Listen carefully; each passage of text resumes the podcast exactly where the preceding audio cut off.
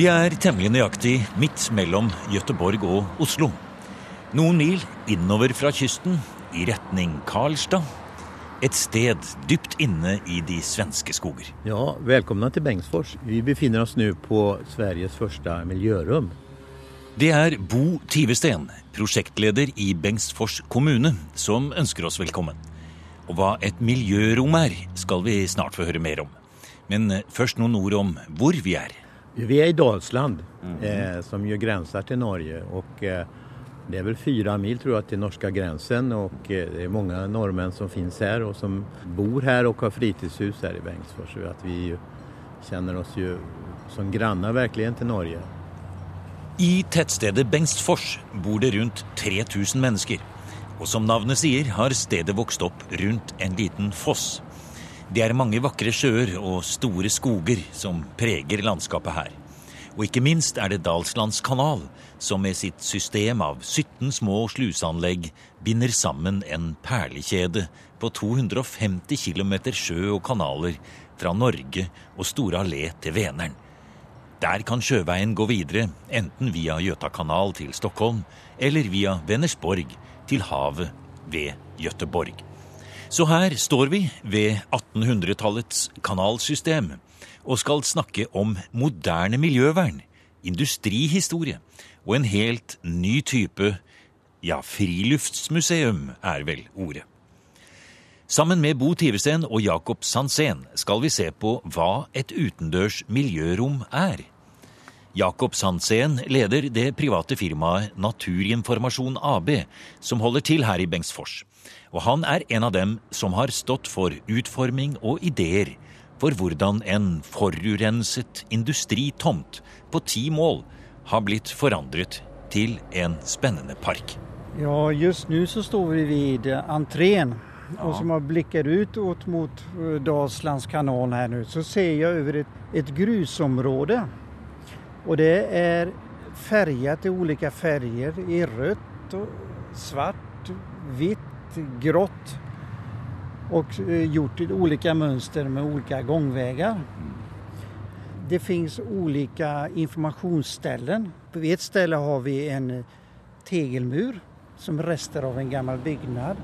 Det anspelar lite grann till den här gamla industrin som var här en gång i tiden. Inspirerat av lite japansk trädgård, fast på nordiskt sätt. då, Liksom. Altså, Hva er et miljørom? sånn sen? Det er jo det dere kaller dette for. Eh, Dere kunne ha kalt det et eh, utendørs industrimuseum eller en miljøpark. Et miljørom kaller dere dette for. Ja, eh, naturrum eftersom vi, många idéerna kommer ifrån därifrån. Det har ju bestämda regler. Man beskriver ett, ett område, nationalparken eller något sånt där. Och då gör vi likadant här då fast vi är mycket snävare. Vi berättar om historien just där vi står. Och eh, i har vi lagt ner extra betoning på miljöaspekten då. Och i den här miljöaspekten så måste vi berätta om historien, industrihistorien. Och vi måste berätta om vad är det för gifter och om miljöproblemet. Och i det här fallet så lägger vi också till hur har man gjort för att, hur har man resonerat, hur har man tänkt när man har sanerat det här området. Då. For eh, sannheten er vel den, eh, Bo Tivesten, at eh, Bengtsfors kommune kunne jo ikke bruke dette området til noen ting i det hele tatt før denne giften var borte. Her kunne man ikke grave og bygge og lage eh, bygninger med enten det var industri eller bosteder. Her, dette var for forurenset. Ja, det, vi, det var ju en insikt som vi kom till så småningom kan man säga. För att ifrån början så var det här är ju ett väldigt eh, industrihistoriskt intressant eh, område och vi har ju faktiskt rivit en världsunik byggnad så att eh, vi, Ja. har gått hårt fram om man säger så. Ja, hvorfor gjorde dere det? Ja, den var ju så påverkad av det här eh, kvicksilverångorna så att eh, Ja.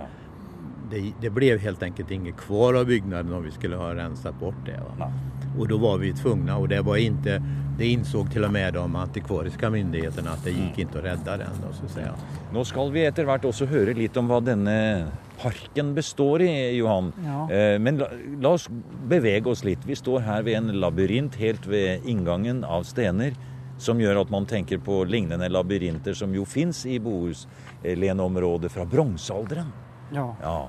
Også her er det spor. altså De øyne som vil se her, kan oppdage mange referanser til eh, Vest-Sveriges eh, historie. Men ta oss med litt. Grann. Jeg ser det står en eh, teglmur her. Vi går bort til den og kikker litt. Fortell litt om hva det er. Tegelmuren symboliserar den, eh, där den gamla fabriken står. Jaha. Det var ungefär exakt här. Och här berättar vi historien om fabrikens uppkomst och även när den la ner. Ja, det er jo ikke så veldig stor mur, så det er en symbolsk mur på Det en är måte. symbolisk. Et par meter høy på det høyeste her. Så det är inte högt utan den är lite trasig också så man ska känna, få Ja. en känsla av att det är gammalt. Ja, og Det er altså ikke gjenoppbygd en fabrikk her, Nej. men det er et ekko fra noe som har vært. Ja. Ja. och det är också en jättespännande historia då för eftersom Rudolf Liljeqvist var en väldigt eh, ja, duktig och flitig man. Rudolf Liljeqvist var gründeren som arbeidet sammen med Alfred Nobel på mange forskjellige prosjekter i England og ute i verden, men som i 1895 kastet sine øyne på Dalslands kanal og fossen som ingen ennå hadde utnyttet i Bengtsfors. Elektrisitet og elektrokjemi var det store nye i industriens verden på dette tidspunkt. Men prisen på strøm fra kullfyrte kraftverk i England var ti ganger så høy som det den kunne bli ved å bygge et eget vannkraftverk her. Og dermed startet industrieventyret med Elektrokjemiska aksjebolaget, EKA. Det forandret alt her i Bengtsfors, sier Bo Tivesten. Ja, det som hände här eh, i slutet, alltså under 1800-talet och eh, i slutet på 1800-talet, det var ju då att eh, Alfred Nobel och eh, Rudolf Liljeqvist spekulerade ju kring det här med elektrokemisk industri. Och då behövde man ett vattenfall. För på den tiden så, så kunde man inte för, överföra elektricitet på längre sträckor. Så man måste ha ett vattenfall. Och då eh, fann man Bengtsfors och där fanns en fri fors. Så det man gjorde här var att man byggde ett industrikombinat. Eh, dels det här kraftverket som ju fortfarande finns kvar här och sen den elektrokemiska industrin då. Där man hade kvicksilver som en komponent då så att säga i tillverkningen. Så kom det jo jernbane også. Ja, kanalen kom ju först då. Sen, Ja. kom ju, sen kom det faktiskt två järnvägar hit. En, en som går från Mellerud upp hit och sen en bana som gick härifrån ner till Uddevalla som är helt nedlagd nu då. Hvilken idé var det han hadde? Hva var det han skulle produsere her? Via den här eh, elektrokemiska sättet att arbeta så kunde man på ett billigt sätt få fram då eh, väldigt rena ämnen som man kunde använda i industrin. Det var ju också därför som eh, Alfred Nobel var intresserad utav det här. Då. Ja, hva, hva var det man produserte? Bland annat klor var det bland annat som man hade, Aha. de pl- plockade fram då. Ja, Kloralkalier, kalk osv. Ja. Ja. ja. Og kjemikalier i det tatt. Og her har man tatt vare på en koboltfarget glassflaske. Som står også her inne i en av disse flotte montrene. Det er, det er veldig flott laget Ja. også. Man exporterar ju de här kemikalierna då som man gjorde det till de här rena fina då. Natriumhydroxid och saltsyra, lut läser jag på skylten Ja, här till exempel. Så det är många fina namn på det här. Ja. Då. Och så exporterar man i de här fina koboltglasen då. Og det gikk da til bl.a. apotek rundt i hele Europa, men også til eh, celluloseindustrien, gjorde det ikke det? Jo, det var nog många industrier som använde de här kemikalierna. Og hva var det man brukte for å få frem denne kloralkaligassen og alle disse kjemikaliene? Ja, det var ju salt helt enkelt och, och, Ja, och, sen, og, och, och vatten då väl. ja, og kvikksilver. Ja, kvicksilvret det gick ju inte egentligen i. Den var ju bara katoden så att den, den var ju inte med i själva slutprodukten utan den var ju, eh, den var ju bara för att, eh, för att eh, elektrolysen skulle fungera egentligen som Ja. det fanns där. Men sen har det blivit så då att det här eh, kvicksilvret det låg i öppna kar och sen inne i den här cellhallen där hade man bara ett jordgolv. Så det är klart att man spillde med det här kvicksilvret och, och det där rann ju ner i jorden då naturligtvis. Ja. För att eh, kvicksilver är ju oerhört tungt och söker sig väldigt fort ner i, Ja. i marken då. Så her var det godt om. Her var det mye både dioksiner, kvikksølv, andre ting som gjør at man i dag tenker på en polisanmeldelse eh, direkte, altså. Det var, men det, slik tenkte man ikke den gangen. Nej, det här var ju, eh, det var ju här var ju de främsta hjältarna på industrifronten så att säga. Det var ju ingen som Nej. tänkte på att kvick, hur kvicksilvret fungerar. Nei, det var ikke Det er- farlig. Man bare kjørte ned på siden her, Ja. hvor vi ser kanalen går her. Ja, man dumpade ju ut emot vattnet mer eller mindre. Och en del sjönk ju ner i marken då. Och en del eh, följde med avlopp. Så det är ju egentligen tre olika ställen som det är riktigt mycket eh, Ja. kvicksilver på. Så hadde vi gått her som vi går nå, bare for eh, en 10-15-20 år siden, så hadde vi gått oppå mange tonn med forurensning. Ja. ja, det var ju 15 ton kvicksilver då. Totalkvicksilver som man säger. Så att det är ju olika. Det är rent kvicksilver i, i ganska liten men sen är det ju olika typer av kvicksilverföreningar då. Men nå er det altså borte. Ja, 90 procent är borta. Ja. 90 procent av kvicksilvret har vi kört bort och eh, vi har ju sparat det längst ner då under grundvattenytan och där ligger det då ganska bra än trots allt. Och sen har vi alltså lagt ett tak kan man säga på det här. Over, ja. Med, Så det er tett nå. Ja. Nå er det ikke noe forurensning herfra lenger. Nej, inte här, u- det här, är- här uppe är ju det renaste man kan tänka sig tror jag. Än så länge i varje fall. Og her har du tatt oss med bort her, Johan Sandsen her. Du er jo en av de som står bak dette designet og denne flotte måten å gjøre det på.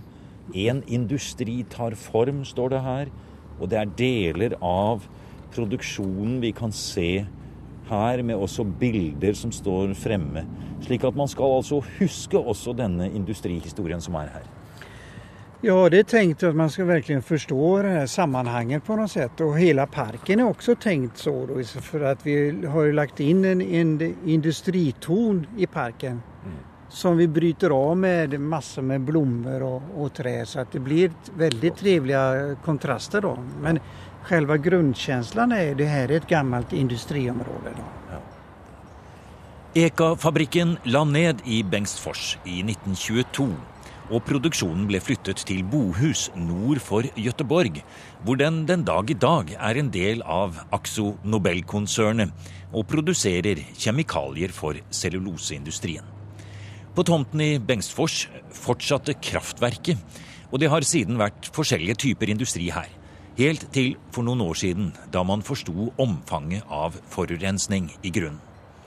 Og sammenhengen mellom Bengtsfors, Liljekvist og Alfred Nobel kommer tydelig fram når man går rundt og ser på montere, plakater og gjenstander som står utstilt i dette utendørsmuseet. Ja, vi ser framför oss här eh, en kopia, måste jag tillägga, då. Nobels testamente. Som är väldigt spännande bara för att han utsåg då två stycken personer eh, till eh, testamenteexekutor. Det vill säga de skulle ta hand om hans stora enorma för, förmögenhet och göra de här stiftelserna. Og, og på veggen bak oss her så henger det også en kopi av eh, Nobelmedaljen. Ja. Nobelprismedaljen Ja, ja. som vi ser her. Og vi har altså relieffet til Alfred Nobel her. Og det var altså hans venn eh, Rudolf Liljekvist som eh, ble satt til å lage dette testamentet og utføre Nobels vilje da. Ja. men Hvordan gikk det til? Ja, han fick ju jobba tillsammans väldigt mycket med Solman då. Som var en annen av Ja. Nobels venner. Ja, och sen så de åkte helt enkelt ut runt omkring i Europa och, sålde ut alla de här stora fabrikerna och samlade ihop alla de här pengarna. Och Fick jobba och slita ganska hårt för det. Ja, men, men hvordan fikk de til det? Det var jo ikke ens eh, telefon her i Bengtsfors. Ja, men då fick ju Rudolf vara tvungen att skaffa telefon. Den første i Den Bengtsfors. första, ja, Ja. nummer ett tror Ja, jag. ja. Men ja, Ja. Fins den eh, telefonen kvar ennå her, eh, Bo? Ja, det vet jag faktiskt inte men stugan finns ju kvar så att säga. Den står ju här uppe på höjden på Ja. Majberget. Ja, Den er Så- flyttet litt bort Den är fra flyttat härifrån ja, ja. Men den fins altså. Ja, och det är ett, ett pyttelitet museum där också inomhus så att säga. Som man kan se på laboratorieutrustning och sådana där Ja, saker. Det er spennende å tenke på at denne store Alfred Nobel-stiftelsen, som da i dag sin, ved sin avkastning har alle disse store nobelprisene, og vi har jo også en liten gren av den i Norge, Ja. Ja, det er det altså denne mannen som laget denne fabrikken her, Ja. som satt og altså samlet inn penger til, konstruerte, reiste rundt med Bengtsfors første rikstelefon. Ja, det stämmer. och, och här ligger breven. Ja. Det är fantastiskt. Ja. Och här, det var också så att, att han blev erbjuden jobb på större ställen då utav ja. eh, Alfred Nobel. Men eh, Rudolf Liljeqvist han tackade nej. Han ville göra det färdigt här. Det han ja. hade påbörjat det här i lilla Bengtsfors då. Ja. Så att han eh, var en man med stor integritet. Eh, och när han skulle bygga sig sin privata bostad här i området så, så höll det inte med ett litet trähus här i lilla Bengtsfors. Nej, utan han eh, flyttade till Baldersnäs. Ja. Jättestor fin trädgård som är idag, man kan åka dit ut och titta på den fina trädgården och man kan äta god mat där och ja, sånt där. Det, det, är ju det som vi i Norge kallar en herregård som ligger inte så väldigt långt härifrån. Mm. Men han byggde ju sitt hus i, var det i betong? Ja, han eh, plockade med sig de här idéerna när han hade jobbat i England och som den ingenjör han var så ville han prova det här. Ja. Man kan väl si det, Bo, att detta vi snackar om här, det är ju då en, en gren av den stora europeiska historien som, som kommer in här med sin tunga industrihistoria och så senare historia och så, så står man mitt uppe i det här. Ja, Nobel var ju allra högsta grad europé, men även Rudolf Liljeqvist, han, han var ju verksam i England och han ritade förslag till eh, Öresundsförbindelse bland annat och han hade många järn i eld. Så han var ju ingen lokal förmåga så utan det var ju bara att han ja. råkade hamna här.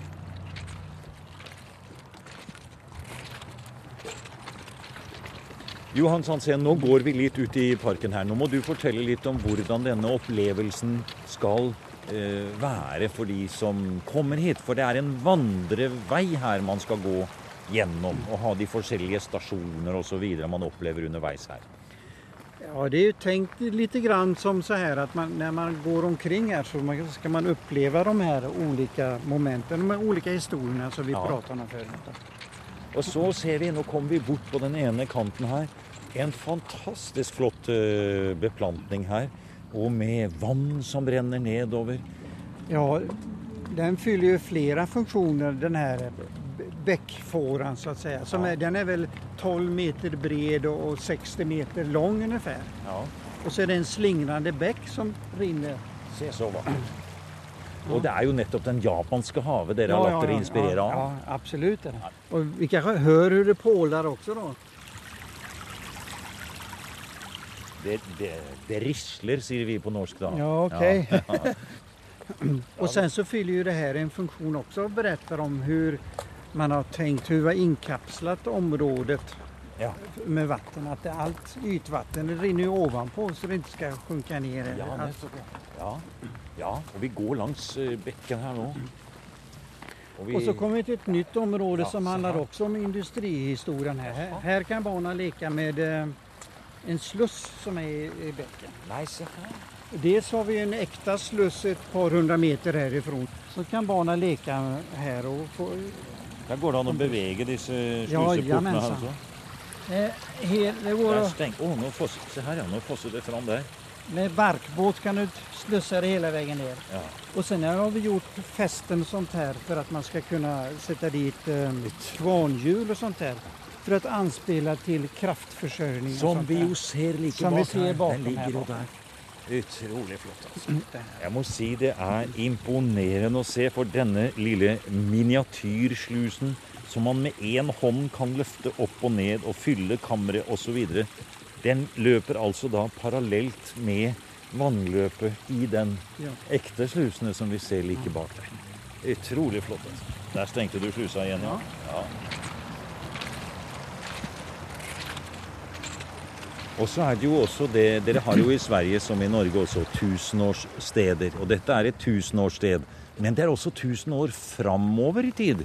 Eh, ja det är det. Vi har ju eh, Johan tror jag det var som kom på det här med moderna hällristningar. Ja, vi, kan du visa oss någon av dem nu Johan? Ja, om vi går bort på den, våran fina röda stråkstigar så kommer vi fram till ett ett vitt område, ett vitt stråk ja. som går ner till sjön. Och på ja. den så finns det 30 stycken stora granitblock. Aha. Och på 10 av dem så är det eh, inristat då, budskap till människor 1000, 2000, 3000 år framöver. Aha. Och grundidén bygger på de ja. första här har vi då. Då visar du fram här. Det här har vi lånat från våra hällristningar här som vi har ja. i, i Tisseskog. Ja. Den kallar vi för Vaktmannen. Ah. Här vaktar vi det här området. Ah, så flott. Här ska man inte ja. bygga. Ja. Och sen bygger vi vidare på det här med ja. symbolspråket. Man kan sitta på moderna hällristningar. Vad är denna Johan? Vad ska den? Åh, oh, det är jorden. Det är regnbågen som går över. Det är två händer. Du måste förklara närmare. Ja, det är ju väldigt mycket till betraktaren förstås. Men det är för att vi ska värna om våra miljö helt enkelt. Kortfattat värna om människan och miljön som är runt omkring. Och det har vi försökt göra här då. Genom att ta bort alla gifter och så skydda området här. Ja. Låt det vara i fred. Värna om det här för framtiden. Ja. Och så har dere alltså då satt detta in i graniten på samma måte som helleristningene som är i området här. 3000 eh, år gamla så ska detta kanske få stå i lång tid och berätta en historia också till framtiden. Ja, det hoppas vi. Och vi, för, för framtiden har vi utvecklat det här språket också som vi har på hällristningarna. Så den sista stenen, ja. den är datorspråket med ettor och nollor. Aha. Och sen ska ja, vi faktiskt går, ja. plugga in ett eh, eh, datorminne i den här sista då, för att vara riktigt moderna. Alltså, I och för sig, man vet aldrig vad hon kan tolka det i framtiden, men vi gör ett försök. Med oss på vandreturen genom Eka miljörom i Bengtsfors är också historiker Lars-Erik Hammar, som är tillknyttet Vestarvet, sammanslutningen av tolv regionmuseer i Vestre Götaland. Ett av uppdragen till Vestarvet är att finne en måte att placera kulturarven in i andra politikområden än det rent museala. Finns det måter att engagera lokalbefolkning, näringsliv och kommuner slik at f.eks. industrihistorie kan hjälpa till med identitet och lokal utveckling. Ja, det gör faktiskt det. Alltså jag har nu jobbat med en förstudie som kallas Dalslands kanal och som handlar just om en besöksmålsutveckling. Vad gör vi med alla de små och stora och medelstora industrilämningarna som finns? Eh, och där ju, har jag då jobbat med olika såna här temagrupper, alltså utvecklingsgrupper där personer som bor på platserna mm. själva har varit delaktiga i att komma med idéer och funderingar på i första hand då de som ligger i Melleruds och Bengtsfors kommuner. Mm. Och det har kommit mängder utav idéer ifrån de som bor och känner verksamheten här och känner folk inte minst och är hemma med miljöerna runt om här. Och samtidigt då när man ser det lite större så är Dalslands kanal på något sätt det har varit en pulsorder och det har varit energi men samtidigt så är det ett fantastiskt upplevelseområde. Och det ser vi också på turismen här. Alltså när, turismen i Dalsland är i första hand en naturturism. Man kommer hit för att ta det lugnt, fiska, bara njuta utav omgivningarna och höra det pålande vattnet och så. Ja. Men samtidigt så vet vi ju att det finns ju då industrilämningar av väldigt olika ursprung utefter hela kanalen. Mm. Och lite grann av det har vi studerat här för att se vad är det för någonting som de boende själva vill lyfta fram som en del av historien. Mm. Och när vi kommer så långt så börjar vi också fundera på, nu finns det ju faktiskt också ett, ett vattendrag, ett vassdrag på norska sidan Haldenvassdraget. Mm. Så när vi då har tagit kontakt med våra kollegor som vi känner sedan tidigare i Östfold så säger man att det är precis samma problem och samma önskemål på vår sida. Att göra någonting av alla de här områdena att inte bara titta till naturen utan även kulturen där industrihistorien i allra högsta grad finns närvarande. Och det är väl det som är siktet nu på att nu ska vi forma ett gemensamt projekt som tar upp de båda vattensystemen och hur man sedan jobbar fram platser som är intressanta att berätta om och framförallt då att det faktiskt är tillrättalagt för besökare. Och när vi säger besökare så menar vi inte bara turister ifrån övriga EU utan vi menar faktiskt också de boende själva. Och när det gäller lokalbefolkningen i Bengtsfors, som nu har fått sitt utendørs miljørom, en ny kajfront mot kanalen, och som också snart kan få ett helt nytt turområde när Ekatomten får gang- och cykelbro över från centrum, så ser alla nu att detta har varit väldigt positivt, säger Jakob Sandsén. Men det är klart, helt till att börja med var det inte alla som helt förstod hvorfor 270 svenske millioner kroner skulle brukes til sanering, och så enda 2,4 miljoner till miljörummet. Det har ju varit eh, väldiga många diskussioner kring det här från början och vad ska man göra? Varför ska man överhuvudtaget gräva i det här? Det är väl bättre att mm. låta det vara i fred när det är så giftigt. Och ja. det asfalterar och gör en parkeringsplats av det. Det finns många olika diskussioner. Men allt eftersom som man pratar om eh, området och förklarar varför man har gjort som man har gjort så har den här, tycker jag, varit bemötts väldigt positivt. Mm. Och speciellt när folk kommer hit och man har åkt förbi hela tiden och sett hur folk har jobbat. Och nu när det är färdigt och så kommer de in så blir de väldigt glatt överraskade. Mm. Det, är, det tycker jag är nästan roligast av alltihop, att de, att de som bor här, väldigt många som är nöjda. Så kommer ju också på en måte industrihistorien frem i en ny sammanhang mm. och, och skapar kanske också lite ny lokal stolthet. Ja, det stämmer. Och en, en, ja, vad ska man säga, en bedrövlig historia blir något väldigt bra, väldigt positivt. Liksom. Och det är också väldigt roligt att höra. På något sätt.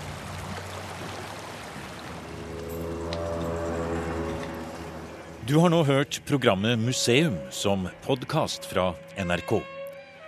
Museum sendes i NRK P2 på lørdager og søndager.